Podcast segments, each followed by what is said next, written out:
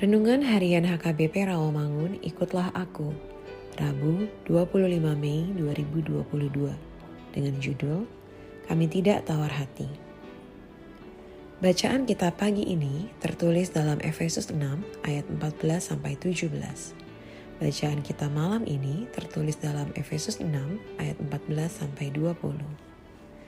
Dan kebenaran firman Tuhan yang menjadi ayat renungan kita hari ini tertulis dalam 2 Korintus 4 ayat 16 yang berbunyi, Sebab itu kami tidak tawar hati, tetapi meskipun manusia lahiriah kami semakin merosot, namun manusia batiniah kami dibaharui dari sehari ke sehari.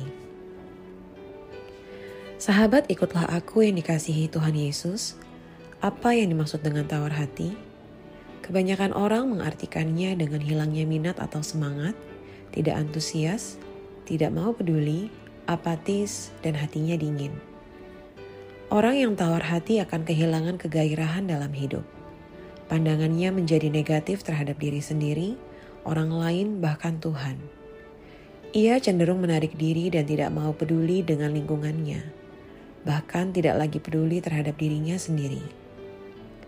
Menyerah atau tawar hati sering kali menyebabkan kita kehilangan perkara terbaik yang ditawarkan Allah kepada kita. Sebab itu kami tidak tawar hati. Tetapi meskipun manusia lahiriah kami semakin merosot, namun manusia batiniah kami dibaharui dari sehari ke sehari. Sebab penderitaan ringan yang sekarang ini mengerjakan kami kemuliaan kekal yang melebihi segala-galanya. Jauh lebih besar daripada penderitaan kami. 2 Korintus 4 ayat 16 sampai 17. Apa yang kita alami saat ini mungkin saja dapat menjadi alasan untuk tawar hati. Namun, lihatlah bahwa Tuhan telah menopang kita dengan kekuatan untuk mengatasinya. Ya, kekuatan itu bernama iman. Ingatlah seperti yang dikatakan Paulus. Pencobaan-pencobaan yang kita alami ialah pencobaan-pencobaan biasa yang tidak melebihi kekuatan manusia. Sebab Allah setia dan karena itu ia tidak akan membiarkan kamu dicobai melampaui kekuatanmu. Pada waktu kamu dicobai, ia akan memberikan jalan keluar sehingga kamu dapat menanggungnya.